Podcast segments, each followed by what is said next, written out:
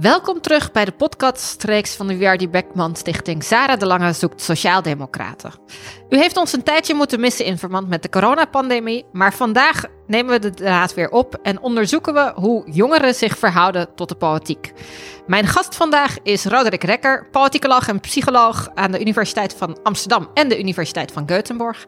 Hij onderzoekt hoe jongeren hun opvattingen uh, over politieke kwesties uh, ontwikkelen, hoe ze stemmen en is daarbij met name geïnteresseerd in de, de jongste generatie die politiek actief is op dit moment, die van de millennials.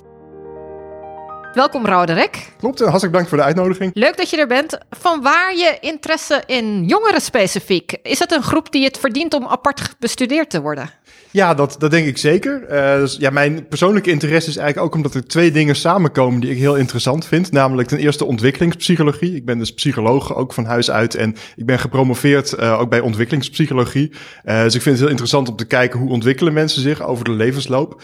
en daarbij vind ik geschiedenis heel interessant en vind ik het heel boeiend om te zien hoe verschillende historische perioden dus eigenlijk een soort stempel drukken op het electoraat. En dat je zelfs heel erg veel later nog steeds kan zien dat mensen die in een bepaalde tijd zijn opgegroeid, uh, daar dus door beïnvloed zijn en kenmerkende opvattingen en stemkeuzes maken. En als we het dan over jongeren hebben, uh, over welke leeftijdscategorie uh, gaat het? Nou, als je het over jongeren hebt, dan, dan, hebben we het meestal over de allerjongste groep. Dus de kiezers tussen 18 en 25. Um, als je het over millennials hebt, uh, zijn dat eigenlijk een beetje de mensen die geboren zijn tussen 1982 en 1997. Uh, dus daar zitten ook dertigers bij, zoals ik zelf. En uh, hoe ontwikkelen jongeren hun politieke voorkeuren voor op hoe, hoe, denk, hoe ontwikkelen ze hun standpunten ten aanzien van bepaalde politieke thema's, uh, hun voorkeur voor bepaalde politieke partijen? Ja, nou, dat begint eigenlijk op, op vrij uh, jonge leeftijd. Dus ja, bijvoorbeeld rond uh, 12-jarige leeftijd zie je dat veel kinderen al doorkrijgen of ze bijvoorbeeld links zijn of rechts zijn. En dat nemen ze dan vaak over van hun ouders. Uh, ja, en zo uh, ontwikkelt dat zich eigenlijk een beetje door tot ongeveer uh, 25-jarige leeftijd, waarbij het zich steeds meer uitkristalliseert uh, wat voor opvattingen daarbij horen, op welke partij uh, ze gaan stemmen. Uh, en ja, dat, dat komt allemaal steeds meer met elkaar samen te hangen. En ja, als dat dan eenmaal ontwikkeld is, meestal zo rond 25-jarige leeftijd, dan blijven veel mensen ook bij hun kernopvattingen. Dus dan willen ze nog wel eens switchen tussen partijen, wat natuurlijk in Nederland heel veel gebeurt. Maar hun belangrijkste kernopvattingen over gelijkheid of over immigratie bijvoorbeeld, die blijven behoorlijk stabiel na die leeftijd. In die periode tussen 12 en 25 mogen uh, jongeren ook voor het eerst stemmen als ze 18 zijn uh, in Nederland. Ja. Uh, maakt hun ontwikkeling, uh, hun politieke ontwikkeling dan nog een extra stap? Is dat een soort, uh, uh, is dat een belangrijk moment in hun politieke ontwikkeling? Ja, dat is zeker een belangrijk moment. Je ziet ja, vaak dat ja, mensen toch blijven bij een partij waar ze in een eerste verkiezing op gestemd hebben. Dus als mensen eenmaal ergens op stemmen, is de kans groter dat ze dat opnieuw doen. En ook de kans dat mensen überhaupt stemmen is groter als ze dat al een keer gedaan hebben. Dus die eerste verkiezing van jongeren is zeker belangrijk. en is voor veel jongeren inderdaad ook een kans om zich voor het eerst te gaan oriënteren en wat te gaan leren over de politiek. Um, om maar met de deur in huis te vallen met de, misschien wel de grootste vraag van vandaag. Uh, zijn jongeren anders dan oudere kiezers? Als we kijken naar hun opvattingen, hun partijvoorkeuren. Uh, is, is dat echt een speciale categorie kiezers? Ja, absoluut. En op, op dit moment is het eigenlijk meer dan ooit het geval. Uh, ik heb uh, onlangs onderzocht hoe uh, de, de leeftijdskloof in stemkeuze zich heeft ontwikkeld sinds de jaren 40. Uh, en die is op dit moment groter dan dat die ooit eerder geweest is. Dus eigenlijk tot de jaren 70 nam die leeftijdskloof toe. Met natuurlijk de jongere protesten in de jaren 70 en zo. Toen is hij weer wat kleiner geworden. Maar sinds de eeuwwisseling, eigenlijk met de opkomst van de millennials, is die leeftijdskloof weer toegenomen. Dus jongeren stemmen echt heel anders dan ouderen. Uh, en ze hebben ook andere opvattingen dan ouderen. Ze staan bijvoorbeeld veel positiever te tegenover dingen als immigratie of Europese eenwording. En ze vinden dat ook belangrijkere thema's dan ouders over het, ouderen over het algemeen. Uh, en daarbij, en dat heeft ook met een jonge leeftijd te maken, is hun stemgedrag nog wat veranderlijker. Dus ze wisselen wat vaker van partij. En ze stemmen ook wat vaker op nieuwe partijen. Uh, dus dat zijn allemaal grote verschillen tussen jonge kiezers en oudere kiezers. Uh, je zegt uh, die sociaal-culturele thema's die in deze podcastreeks al heel vaak uh, aan bod zijn gekomen. Ja, daar denken ze toch echt wel anders over dan ouderen. Ja. Zijn ze in dat opzicht cosmopolitischer, progressiever dan ouderen of juist iets traditioneler, nationalistischer? Ja, absoluut veel progressiever en uh, cosmopolitischer. En ik denk het, duidelijkste voorbeeld wat we daarvan hebben gezien is het Brexit-referendum in het Verenigd Koninkrijk, waar er echt een enorme leeftijdskloof was, waarin de oudste leeftijdsgroep vrij massaal Brexit heeft gestemd en de jongste leeftijdsgroep uh, vrij massaal Remain heeft gestemd.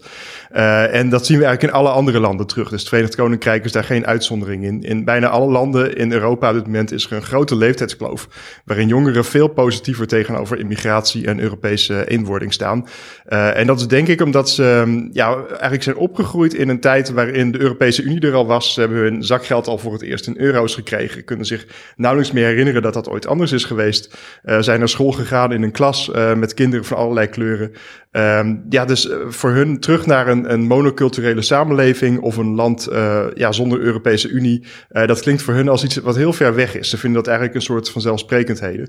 Uh, tegelijkertijd is deze generatie natuurlijk ook opgegroeid in een periode waarin het debat heel erg fel was over die onderwerpen. Um, dus dat maakt ook wel dat het heel erg samenhangt met hoe zij de politiek zien. Dus voor jongeren van nu gaat politiek wel heel erg over dit soort vraagstukken. Ja, Sociaal-culturele thema's zijn dus heel belangrijk voor jongeren uh, en ze zijn er heel progressief op. Uh, dat lijkt me voor met name sociaal-democratische partijen best wel een uitdaging, want dit zijn het niet het soort thema's waarop zij uh, normaal gesproken actief zijn. zij zijn historisch gezien profileren zij zich meer op sociaal-economische thema's. En het zijn ook natuurlijk thema's waarop zij veel concurrentie ervaren van andere politieke bewegingen, zoals groene en sociale liberalen. Ja, ja, dat klopt. Dus bij de afgelopen Tweede Kamerverkiezingen in 2017 waren bijvoorbeeld D66 uh, en GroenLinks de grootste partijen onder jongeren. Nou ja, dat zijn natuurlijk inderdaad partijen die zich heel erg uh, profileren op, uh, op dit soort thema's. pro-EU, pro-immigratie, ook pro-klimaat, ook een belangrijk thema voor jongeren. Dus ja, zeg maar het issue ownership, hè, zoals politicologen dat dan noemen. Dus wat voor thema's mensen met een partij uh, associëren. Ja, daar hebben inderdaad die partijen een voordeel op ten opzichte van sociaaldemocraten. Zijn er andere politieke stromingen die erg populair zijn onder jongeren, meer dan onder oudere kiezers? Nou, eigenlijk het meest consistente uh, patroon is dat eigenlijk de middenpartijen het overal slechter doen onder jongeren. Dus de Sociaaldemocraten en de Christendemocraten doen het overal slechter onder jongeren momenteel. Uh, wat ook heel consistent is, is dat radicaal progressieve partijen het beter doen. Dus groenen doen het overal beter onder jongeren. Uh, wat een vrij wisselend verhaal is, dat zijn de anti-immigratiepartijen. Dus we zien soms dat anti-immigratiepartijen het ook beter doen in de jongste leeftijdsgroep. maar in andere gevallen weer heel duidelijk niet. Uh, en bijvoorbeeld bij de afgelopen verkiezingen heeft Forum voor Democratie een vrij jong electoraat aangetrokken, uh, maar de PVV dan weer absoluut niet. Uh, en als je verder door Europa gaat kijken, ja, is het ook een heel wisselend plaatje. Dat sommige anti-immigratiepartijen wel jonge kiezers aan zich trekken. Um, Rassemblement National bijvoorbeeld de laatste jaren in Frankrijk, maar andere ook weer helemaal niet. Um, dus dat is een wisselend verhaal en ik ga de, ja, de komende jaren nog onderzoeken hoe dat nou precies zit en waar die verschillen vandaan komen op basis van, van deze analyse lijkt het alsof jongeren eigenlijk een heel homogene groep zijn. Uh, ze hebben redelijk uh, consistente opvattingen en politieke voorkeuren. Uh, zijn er ook belangrijke verschillen tussen groepen jongeren? Nou ja, het, het feit dat er toch in ieder geval gevallen zijn waarin die anti-immigratiepartijen het beter doen onder jongeren, geeft wel aan dat het geen um, homogene groep is. Omdat natuurlijk eh, de regel is wel echt dat jongeren veel positiever staan tegenover immigratie en de EU. Maar er zijn dus wel situaties waarin er uh, ja, ook uh, dat soort partijen zijn die goed scoren onder jongeren. Dus er lijkt wel een subgroep te zijn van jongeren die juist ja, daar heel negatief tegenover staat en het ook wel heel belangrijke thema's vindt. Omdat ook die met die thema's zijn opgegroeid. Uh, maar dat is wel een groep waar we eigenlijk nog niet zoveel van weten uh, nog. Dus dat, ook dat is iets waar ik de komende jaren nog meer wil naar gaan kijken. Van uh, ja, wie zijn die jongeren nou die op die wat rechtsere partijen stemmen, of op anti-immigratiepartijen? en ja, ook met name, um, ja, hoe, hoe zien bijvoorbeeld de voorkeuren van lager opgeleide millennials eruit? Daar weten we ook nog niet zoveel van dat vroeg ik mij ook meteen af. Je noemt nu lager opgeleide millennials. Uh, wij weten natuurlijk dat bij oudere kiezers een aantal maatschappelijke breuklijnen lopen. die uh, groepen tegen elkaar plaatsen in termen van opleidingen, uh, van opvattingen. onder andere op basis van opleidingsniveau. is dat ook een grote kloof binnen de groep jongeren? Dat hoger opgeleide jongeren toch in veel opzichten anders zijn wat betreft hun politieke voorkeuren, opvattingen dan lager opgeleide jongeren? Ja, absoluut. En dat is ook met name het geval qua hun uh, participatie. Dus dat is echt uh, ja, iets wat, je, wat we echt consistent terugzien in al het onderzoek over politieke participatie van jongeren. Dat ja, lager opgeleide jongeren veel minder vaak gaan stemmen. Enorme leeftijdskloof in, in opkomst onder jongeren. opleidingskloof onder jongeren. Verder ook, ehm, ja, als het gaat bijvoorbeeld om democratische waarden, zie je ook een grote kloof tussen lager opgeleide en hoger opgeleide jongeren. dus dat zie je eigenlijk overal weer, um, weer terugkomen. Ja, en dan uh, ja, qua, qua opvattingen geldt natuurlijk dat, um, uh, ja, dat aan de ene kant ligt het deels aan het opleidingsniveau dat de jongere generaties progressiever zijn uh, geworden. De millennials zijn hoger opgeleid dan alle generaties daarvoor. En dat verklaart deels waarom ze ook progressiever zijn ten opzichte van immigratie en de EU en dergelijke. Dat zijn opvattingen die je meer met hoger opgeleide associeert. Um, tegelijkertijd is het daar niet toe te reduceren. Dus ook binnen hetzelfde opleidingsniveau zijn nog steeds millennials progressiever op dat soort thema's de generaties ervoor. Uh, je hebt het al over de politieke participatie van die lager opgeleide jongeren. Uh, die blijft achter uh, bij die van de hoger opgeleide jongeren. In de vorige aflevering van de podcast hebben we het ook over politieke participatie gehad. En toen bleek dat als lager, mensen met een lager inkomen of mensen met een lager opleidingsniveau minder participeren, dat ze dan ook minder goed vertegenwoordigd worden. Geldt dat ook specifiek voor deze groep jongeren? Is dat een groep die eigenlijk politiek onvoldoende gehoord wordt? Ja, dat denk ik echt absoluut. Uh, en ik denk sowieso, jongeren zijn een relatief kleine groep in het electoraat op dit moment uh, door de vergrijzing. Dus de gemiddelde Nederlandse kiezer is rond de 50. Uh, en ja, je merkt wel gewoon dat wat dat betreft de stem van ouderen wat zwaarder gehoord wordt, wat meer gehoord wordt, omdat het gewoon een veel grotere groep is. ja, daar komt nog bij dat jongeren toch iets minder vaak stemmen dan, dan ouderen.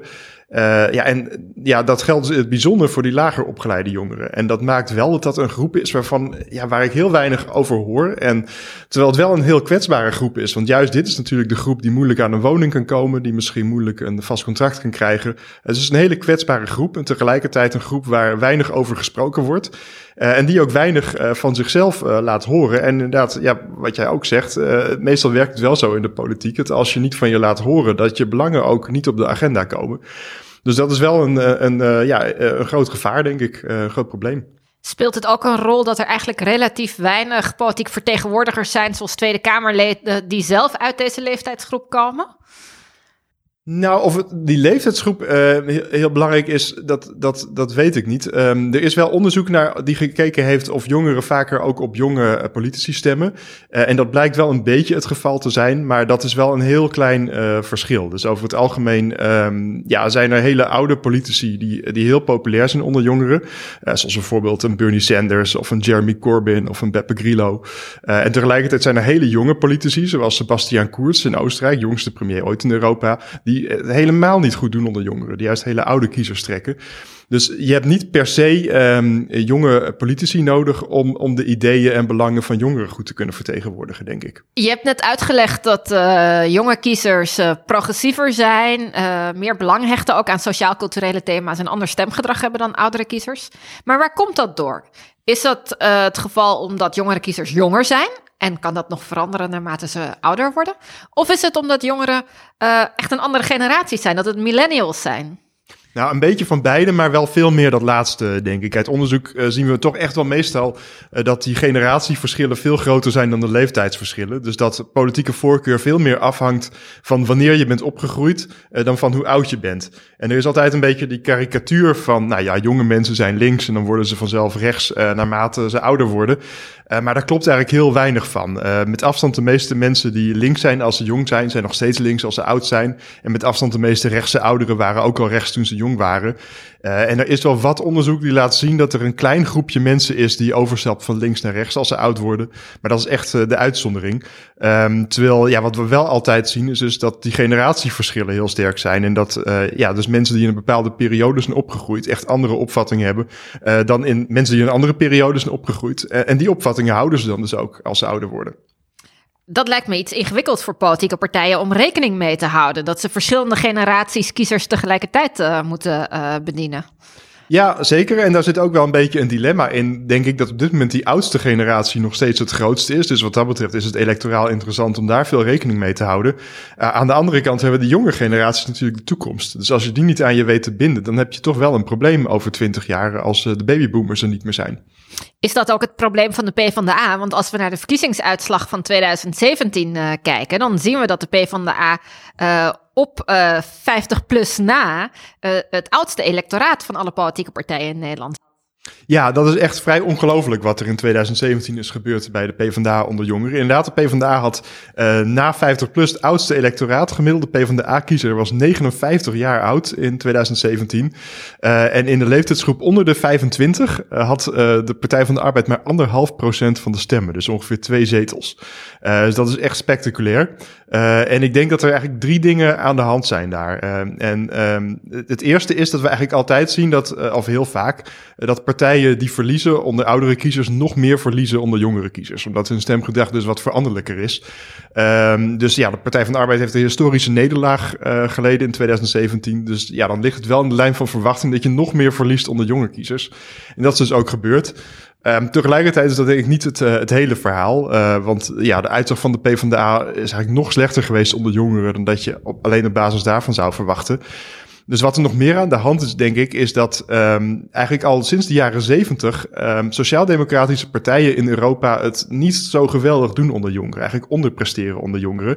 Uh, en ik heb dat dus bekeken in het Nationaal Kiezersonderzoek in Nederland. Dat loopt sinds 1971. Uh, sindsdien zijn er 15 verkiezingen geweest. En in maar drie van die 15 verkiezingen heeft de Partij van de Arbeid het beter gedaan onder jongeren dan onder oudere kiezers. Dat was namelijk in 1977 en in 1981, niet zo verrassend, onder Joop en Uyl. Uh, en daarna nog in 1998 onder Wim Kok. Uh, maar in alle andere verkiezingen sinds 71 heeft de Partij van de Arbeid het beter gedaan onder oudere kiezers dan onder jongere kiezers. En dat is eigenlijk hetzelfde verhaal voor bijna alle sociaal-democratische partijen in continentaal Europa. Dat eigenlijk sinds de jaren 70 ze het minder goed doen onder jonge kiezers. En dat zal waarschijnlijk te maken hebben dus met de zware concurrentie in die leeftijdsgroep van uh, radicaal progressieve partijen, met name groene partijen, die dus heel veel stemmen afsnoepen op links van de PvdA in die categorie. Uh, derde punt is dat dus, ja, wat ik net al zei, um, die leeftijdskloof in stemkeuze is gewoon toegenomen uh, de afgelopen twintig jaar. Uh, die is nu groter dan ooit. Ja, en sociaaldemocraten zitten dus aan de verkeerde kant van die leeftijdskloof. Dus ja, de combinatie van die factoren maakt denk ik dat de Partij van de Arbeid het zo slecht heeft gedaan in 2017 onder jonge kiezers. Je zegt uh, dat uh, jongeren natuurlijk ook gewoon iets volatieler zijn in hun stemgedrag. Betekent het dat politieke partijen ook eenvoudig dan weer jongeren aan zich kunnen binden? Dus dat de PvdA in theorie in de komende verkiezingen van 2021 die jongeren weer aan zich zou kunnen binden? Ja, daar, daar, daar zit zeker een, ja, een, een stukje in. Dus dat, je wint ze als die jongere kiezers als eerste kwijt als het slecht gaat. Maar je wint ze ook als eerste terug als het weer goed gaat. Dus ja, het ligt zeker wel in de lijn van verwachting dat als de Partij van de Arbeid een goede uitslag neerzet in 2017, dat het dan ook weer veel jongere kiezers gaat terugwinnen.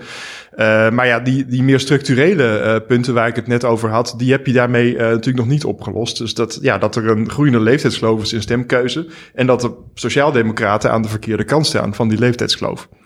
Kan er in dat opzicht iets geleerd worden van de drie verkiezingen waarin de PvdA het kennelijk wel goed gedaan heeft onder jongeren?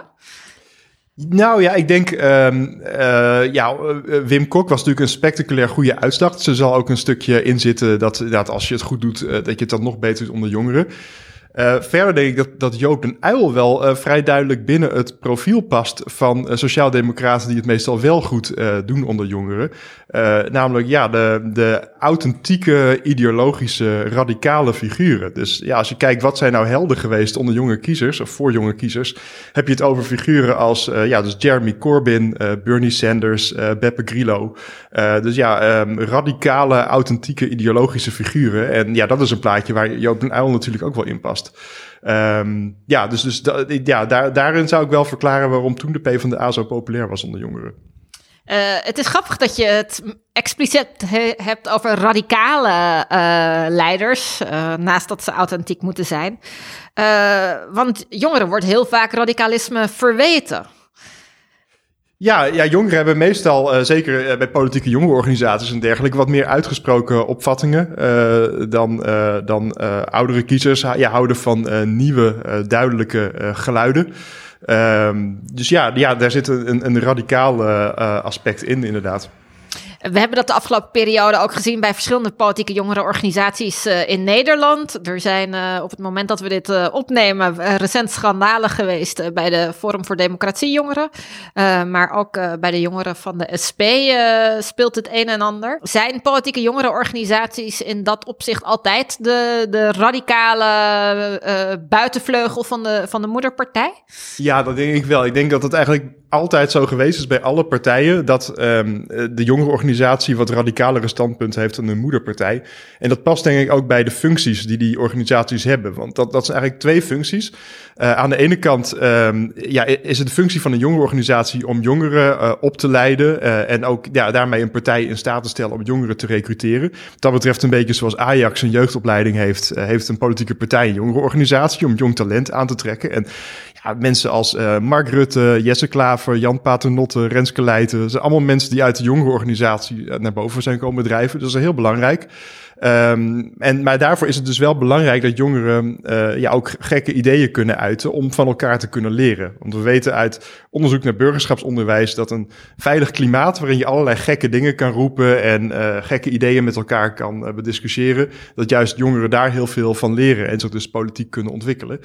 Andere functie van jonge organisaties uh, is ook juist um, ja, om een partij ideologisch uh, scherp te houden, om een soort luizende pels te zijn. Partijen moeten rekening houden met allerlei dingen, uh, regeerakkoorden, verkiesbaarheid, aantrekkelijkheid voor coalitiepartners. Dus dat betekent dat je allerlei dingen niet kan zeggen. Um, terwijl een jonge organisatie juist veel meer ruimte heeft om allerlei um, radicale nieuwe ideeën met elkaar te bespreken, veel ideologisch zuiverder te zijn. En dat uiteindelijk ook ja, daaruit ook een partij op aan te spreken. En dus een partij een beetje scherp te houden wat dat betreft. En ook daarvoor is het dus belangrijk um, dat er veel radicale ideeën besproken kunnen worden bij een politieke jongerenorganisatie. Zeg je daarmee dat ook dat, dat politieke partijen die jongere organisaties niet te strak aan banden moeten leggen, omdat dat ten koste gaat van die, van die veilige leeromgeving en van dat scherp houden? Ja, dat, dat vind ik wel. Ik vind dat er altijd een duidelijk onderscheid gemaakt uh, moet worden tussen wat er kan en mag bij een jongerenorganisatie uh, en wat er kan en mag bij een partij. En uh, ik denk dat dat recentelijk bij Forum voor Democratie en bij de SP uh, een beetje door elkaar uh, is gaan lopen. Omdat ja, de SP heeft dus een aantal leden, waaronder Olaf Kemerink, gerooieerd. Omdat ze zeiden, nou dit zijn standpunten die zijn zo radicaal, daar is geen plek voor bij de SP. maar vervolgens hebben ze dus ook gezegd dat er dan dus ook geen plek voor die ideeën en die jongeren mag zijn bij de jongerenorganisatie. terwijl dat wat mij betreft niet één op één hetzelfde zou moeten zijn. Als een idee of een persoon niet welkom is bij de moederpartij, zou dat niet direct in hoeven te houden dat er ook bij de jongerenorganisatie geen plek voor is. En ja, de SP schakelt dat hier dus wel eigenlijk gelijk. Uh, ja, en bij Forum voor Democratie is het natuurlijk heel erg door elkaar gaan lopen. Um, dat ja, um, er mensen uit de jonge organisatie, zoals Freek Jansen, hoog op de lijst zijn komen te staan. Uh, voor de fractie uh, werkte. Um, ja, ook bepaalde van de standpunten ook geuit werden door de lijsttrekker zelf, Thierry Baudet. dus dat eigenlijk ook daar totaal door elkaar is gaan lopen van wat gebeurt er nou bij de jonge organisatie en waar staat een partij nou voor. en dat onderscheid moet denk ik wel helder zijn. Er moet een gezonde afstand zijn tussen wat er gebeurt bij een jonge organisatie en waar een partij voor staat. We gaan uh, langzaam naar de verkiezingen van 2021. Ze werden al genoemd uh, net. Hoe kunnen politieke partijen in de aanloop naar die verkiezingen uh, jongeren mobiliseren?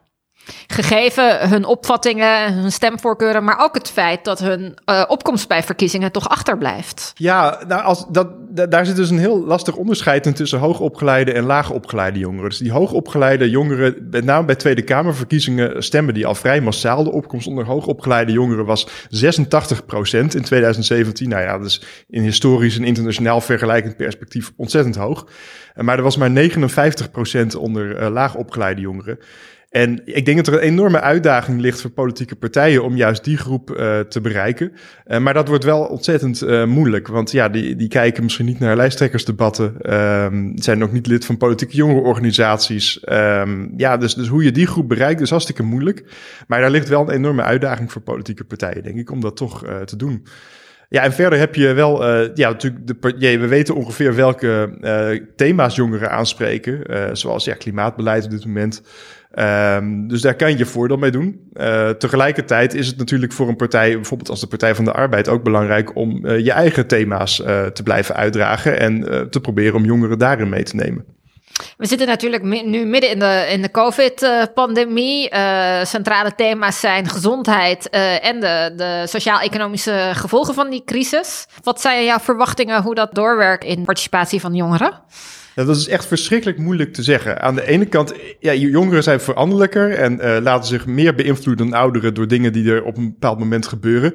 Dus ja, als uh, die COVID-pandemie een invloed gaat hebben, zal die invloed waarschijnlijk wat groter zijn op jongeren dan op oudere kiezers. Uh, maar wat die invloed precies gaat zijn, uh, ja, dat, dat is heel moeilijk uh, te zeggen. en ja, er zijn wel meer grote gebeurtenissen geweest, ook um, ja, waarvan eigenlijk je zou denken dat het een grote impact heeft. Maar 9-11 denk ik ook meteen aan. Ja, en ik denk dat 9-11 een grote impact heeft gehad op jongeren, maar niet eens zozeer de gebeurtenis zelf, maar eigenlijk het politieke klimaat die het uh, gecreëerd heeft. Dus 9-11 heeft ertoe bijgedragen dat we daarna een, een ja, eigenlijk uh, eh, 15 jaar hebben gehad uh, met debatten over, over immigratie, over de islam, oorlogen in het Midden-Oosten, vluchtelingenstromen die daaruit voortkomen. Dus ja, na 9-11 is eigenlijk een nieuwe wereld ontstaan en jongeren zijn heel erg beïnvloed door die wereld die toen is ontstaan. Um, en ik denk meer dan dat dan door dat, die ene gebeurtenis zelf. Dus ik denk dat ook hier de vraag is van ja, wat wordt ook politiek gezien de nasleep van deze pandemie? Uh, en ja, uh, dat zal denk ik ook gaan bepalen uh, hoe dat de komende jaren jongeren gaat socialiseren. Ja, in dat context kunnen we eigenlijk niet om de theorie van een uh, bekend socioloog heen, Ronald Engelhart, ja. die altijd stelt dat de mate waarin je opgroeit in, in zekere of onzekere tijden uh, heel veel impact uh, heeft op je, je opvattingen en je stemgedrag. En zijn theorie is natuurlijk dat jongeren die opgroeien in onzekere tijden, dat die veel meer hechten aan veiligheid en, en sociaal-economische stabiliteit. Uh, en dat uh, jongeren die opgroeien in zekerder tijden meer om, om immateriële waarde geven. Uh, is dat iets wat we ook zien bij die millennials? Nou, ik denk dat dat wel meevalt. Engelhard schreef zijn werk in de jaren zeventig en vergeleek vooral uh, de babyboomers met de generatie daarvoor. En die zei dat die babyboomers zijn een grotere voorspoed uh, opgegroeid en hebben meer inderdaad van die postmaterialistische waarden. Tegelijkertijd zijn er daarna ook economisch moeilijkere perioden geweest. maar dat heeft niks veranderd aan het feit dat ook die nieuwe generaties weer dat soort progressieve opvattingen hebben gehad. Dus, dus wat dat betreft niet zo dat we elke economische crisis uh, gelijk terugzien in, in uh, ja, bijvoorbeeld het meer vooropstellen van economische waarden. Millennials zijn ook opgegroeid in een periode rondom de eurocrisis uh, en ja, de bankencrisis. maar toch is dat bij uitstek een generatie die meer met culturele thema's bezig is op dit moment. Um, dus ja, wat dat betreft is het ook hier onzeker hoe dat zich gaat uiten. En is dus niet vanzelfsprekend dat als er economisch zwaar weer komt, dat er dan weer een nieuwe generatie gaat komen die op die oude materialistische thema's gaat zitten. De jongeren die nu uh, opgroeien, die nu politiek gesocialiseerd worden op hun middelbare school, uh, die zullen misschien net zo uh, hechten aan sociaal-culturele thema's als de jongeren voor hen. Ja, tot nu toe. dat, dat generatie Z wordt dat genoemd, hè, die allernieuwste generatie na de millennials. en ja, het weinige onderzoek dat daarover is, laat vooral zien dat die heel erg lijken op de millennials. en in veel opzichten nog wat extremer zijn. Dus nog wat progressiever op immigratie en dergelijke. Is dat ook wat we terugzien in de klimaatstakingen? Want dat gaat natuurlijk over deze generatie. Die, uh, die gaat ja. de, de straat op voor dit soort thema's. Ja, ja, ik denk dat dat ook heel erg uh, daarbij past. En uh, die klimaatstakingen worden vaak een beetje geduid van, nou, dat zijn jongeren en die, die, die gaan de die klimaatverandering zelf meemaken, terwijl ouderen hebben dat, dat niet. Maar ik weet eigenlijk niet of het daarin zit. Ik denk dat het een onderdeel is van een nog wat breder uh, conflict, waarin een waardeconflict eigenlijk, waarin jongeren meer cosmopolitische waarden hebben en ouderen wat meer nationalistische waarden. en dus uh, ja, als je bijvoorbeeld zorgen maakt over wat er aan de andere kant van de wereld gebeurt, over vluchtelingenproblematiek en dergelijke, daar past ook uh, je zorgen maken over het klimaat bij. Want de meeste mensen die zich zorgen maken over het klimaat, uh, doen dat niet omdat ze zich om hun eigen belangen zorgen maken, maar omdat ze zich zorgen maken over mensen aan de andere kant van de wereld of over toekomstige, nog ongeboren generaties. Ja, ik denk dus dat dat, dat, dat een, een breder waardeconflict is, waar, ja, die op dit moment zich aan het voltrekken is. En waar dus ook het klimaat onderdeel van uitmaakt. Dat lijkt me eigenlijk een hele, hele mooi inzicht om mee af te sluiten voor onze luisteraars. Want dat betekent dat uh, sociaal-culturele thema's uh, nog veel belangrijker zullen worden in de toekomst, ook voor sociaal-democratische partijen. Uh, en dat kiezers die aan hun kant van de politieke scheid zijn staan, misschien nog wel progressiever zullen zijn dan voorheen. Ja.